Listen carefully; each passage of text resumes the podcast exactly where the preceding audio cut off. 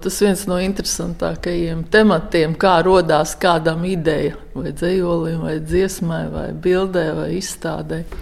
Man tas sākās tiešām nejauši. Es sāku, bija tāda jauka, jauka diena, es gāju no Mākslas akadēmijas, kur strādāju uz kultūra kapitāla kaut ko atdot. Tur tāds antikvariāts. Un es nopirku tā nevainīgi tādu vienu vecu izšuvumu no sērijas. Nāc mazgāties no ūdens, nebaidies tādi smieklīgi, dažādi patriarchāli sižeti, un es sāku kolekcionēt tos izšuvumus, laiku pa laikam tur iegriezos. Nu, pēc kāda gada, diviem sevišķi es neko nedomāju. Es domāju, nu, viņi tādi forši lieta varētu būt ierāmēt, kā plakāti, varbūt laukos pielikt, varbūt kādam uzdāvināt. Nu, apmēram tādā stilā.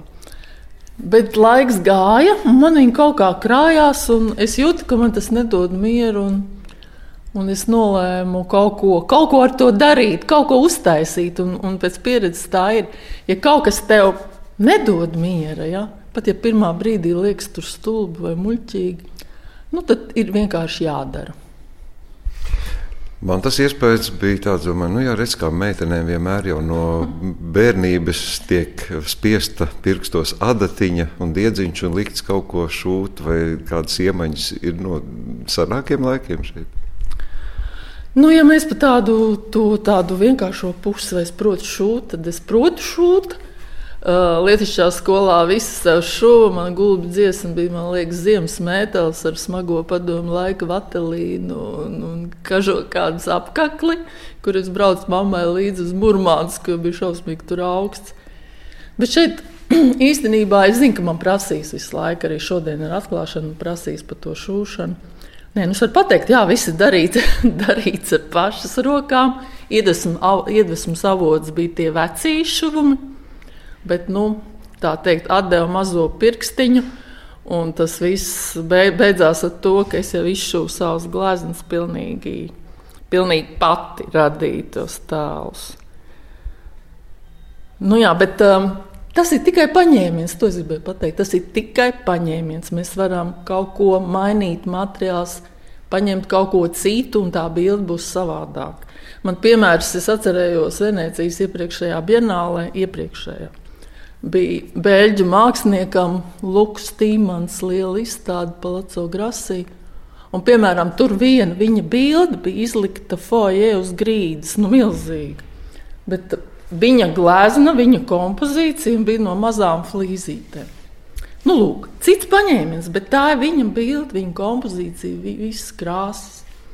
Nu, tā kā tika kaut kas pamainīts, un efekts ir, protams, iespējas ir pilnīgi savādāks. Nu, labi, tomēr eh, es vēl gribu pakavēties pie šīs tehnikas. Neaizbrauc ideja darba procesā. Nu, tas tomēr tik ārkārtīgi smagi. Vai, vai tas, tā ideja ir jau galvā rezultātā un tikai jāizpilda, vai tur ir kaut kāda improvizācija? Sāku es darīt tā, ka es kaut kā gribēju tos, tos vecos izšūmus izmainīt. Un tas nosaukums izšūtais selfijas ir diezgan tāds, varbūt nepārāk skanīgs, bet man patīk tas, ka tur ir tas, tas, tas, tas vecmodīgais ar to mūsdienīgo.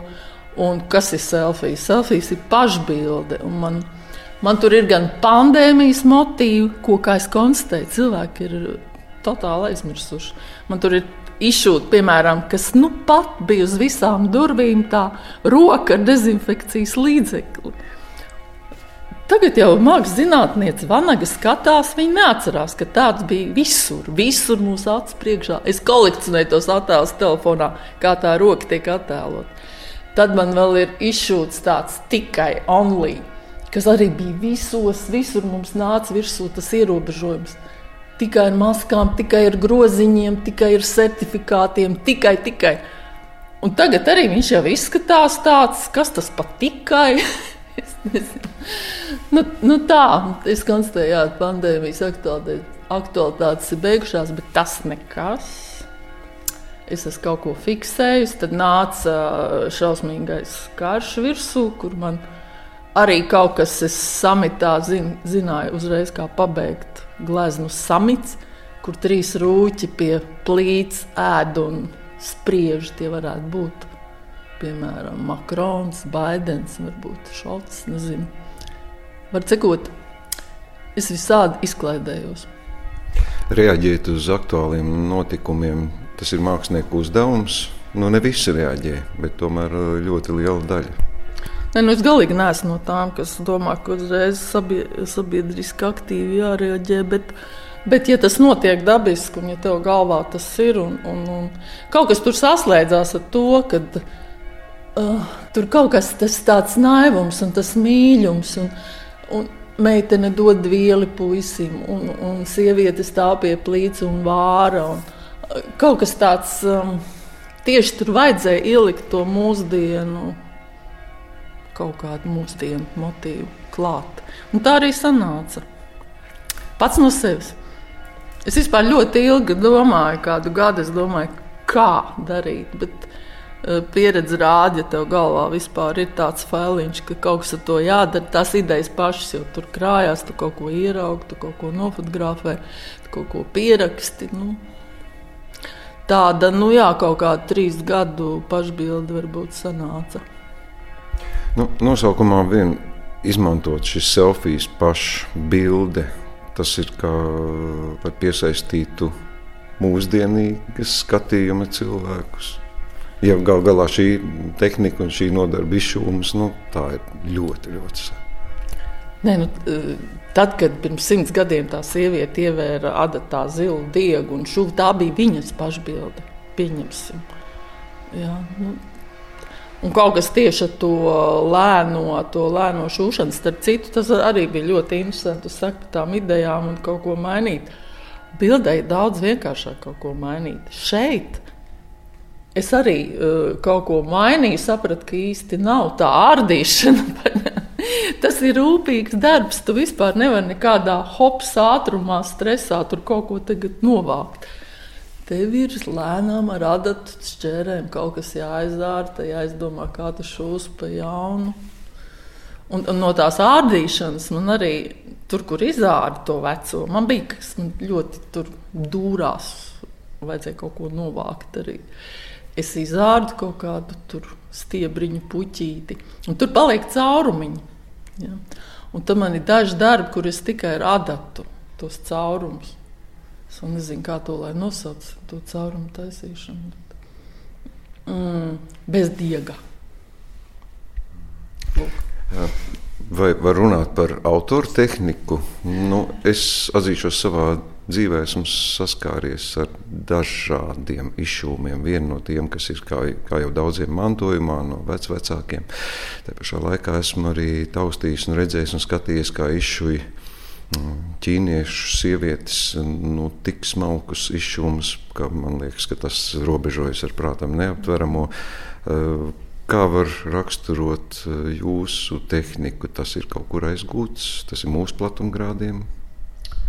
Nē, nu es tikai skatījos uz to, kas man bija priekšā. Es mēģināju tieši iejusties tajā, jo ir ar ļoti tādu smalku diegu. Tur, nu, faktiski ar adatu un diegu tiek veidot līnija. Tas nav tāds podru šūms, kur ir tā, tā blīvi nošūts. Faktiski tiek radīta līnija.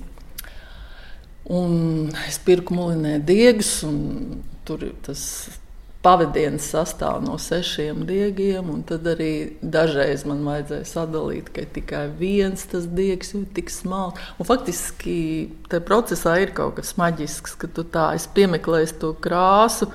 Un tagad es tur tagad kaut ko piešuju klāt, tur varbūt asaru tajā meitenē. Un es ieduru blakus to adatu, to tādu pašu diegu. Un, un ir kaut kāda dīvaina sajūta. Faktiski tas fiziskais, tas, kas tas notiek tagad, tas jau ir kā aizbraukt uz asīzi un skatīties džoto fresku. Tas tajā momentā ir tāda ārprātīga klātesamības sajūta. Es domāju, tas ir mākslas darbu viens no tādiem fenomeniem. Nu, jā, un kad es tā turpinu, nu, tā, tad es iejūtos, kas man ir priekšā. Vai nu vajag sarkanu, tur parasti vai nu sarkans vai zils diegs. Kaut kādiem tur es piešuvu savus tekstus klāt. Cikot, um, viss tas radās izējot no tā, no tā vecā. ar mākslinieku notiek kaut kas cits, savādāks, strādājot šādā tehnikā. Nu, es tagad, piemēram, salīdzinu glezniecību, un kaut kas galvā mainās. Šeit ir citi procesi, domāšanā. Pirmkārt, tas ir ļoti veselīgi. Cik es pasniedzu Mākslas akadēmijā, nereti tiek dots uzdevums studentiem izdarīt kaut ko nekā parasti, paņemt kaut ko citu. Tas ir veselīgi, pakāpties sāns un atgriezties. Bet, nu, ja tā runā, man uh, jaunībā ir bijuši diezgan daudzi darbi, gan, gan pedālē bija visādas izstādes un, un citur, kur esmu uz caurspīdīgiem sietiem, līmējis tur zāģu skaidrs un kūdras tieši jaunībā, par cik es esmu lietišķās skolas produkts. Nu, tas nav galīgi tās sveši. Faktiski tāda varētu teikt kaut kāda atgriešanās. Vīrs man smējās, ka es tur sēžu un šūju, ka es labi izskatos, atgriezusies pie saknē. Bet faktiski tajā drūmajā laikā, tā pandēmija arī tiešām Man tas tiešām reāli nomierināja. Vakarā paņēma izšuju vārdu tur norvēģu valodā. Un tev, tev kaut kā labi paliek. Tas varētu nomierināt arī skatītājus. Es nezinu, vai man būs sekotāji. Tad jau redzēs. Bet vispār, ja nopietni, uh, Tāda šūšana un auduma darbi ir, ir faktiski tas ir ļoti top ten, jo es biju Arko Madrid, tagad nu pat tās februārī un tādi. Tā materiālitāte un tie audumi un visādi diegi tur staipās pa sienām, tas viss ir diezgan, diezgan, diezgan izplatīti. Jā. Es to darīju lēnām. Ja? Un man tas arī īstenībā patika. Tur neko ātri nevar. Viss lēnām darīts. Un, protams, pirms simts gadiem cilvēkiem bija lēnāka dzīve, vairāk laika, un arī tās sievietes tiešām šuva lēnām. Ja? Un, ja ieiet iekšā, tad jārēķinās, ka tev tur arī būs deguns jāpiebāž un lēnām jāskatās un jāmēģina atrast, varbūt, ko es tur esmu darījusi.